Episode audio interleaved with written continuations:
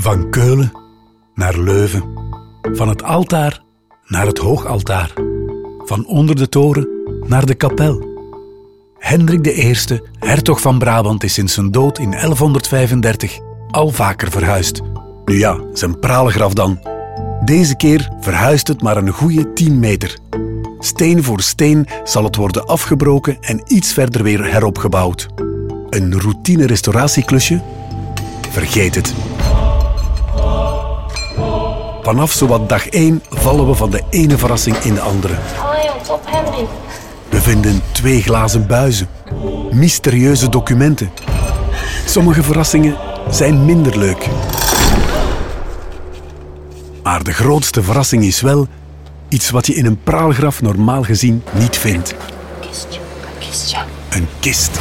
Dit is ook de eerste keer dat we zoiets meemaken. Bevat die de beenderen van onze Hendrik? Of moeten we voor zijn overblijfselen verder blijven speuren? Maar waar dan? Een van de mensen die ik mee restaureer, die heeft onlangs gezegd, ik heb daar een kistje in de muur gezet. Zou hij dan toch in de crypte begraven liggen? Niet in een graf, maar in een zinken kistje achter een in de haast gemetseld muurtje? Er is maar één manier om erachter te komen. Trouwens, wie was die Hendrik I eigenlijk?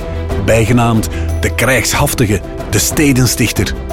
Zijn leven had veel weg van een seizoen Game of Thrones. En onze zoektocht naar hem was in elk geval even spannend.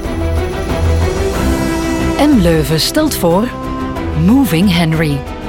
Het bewogen verhaal over de verhuis en de restauratie van het praalgraf van Hendrik I.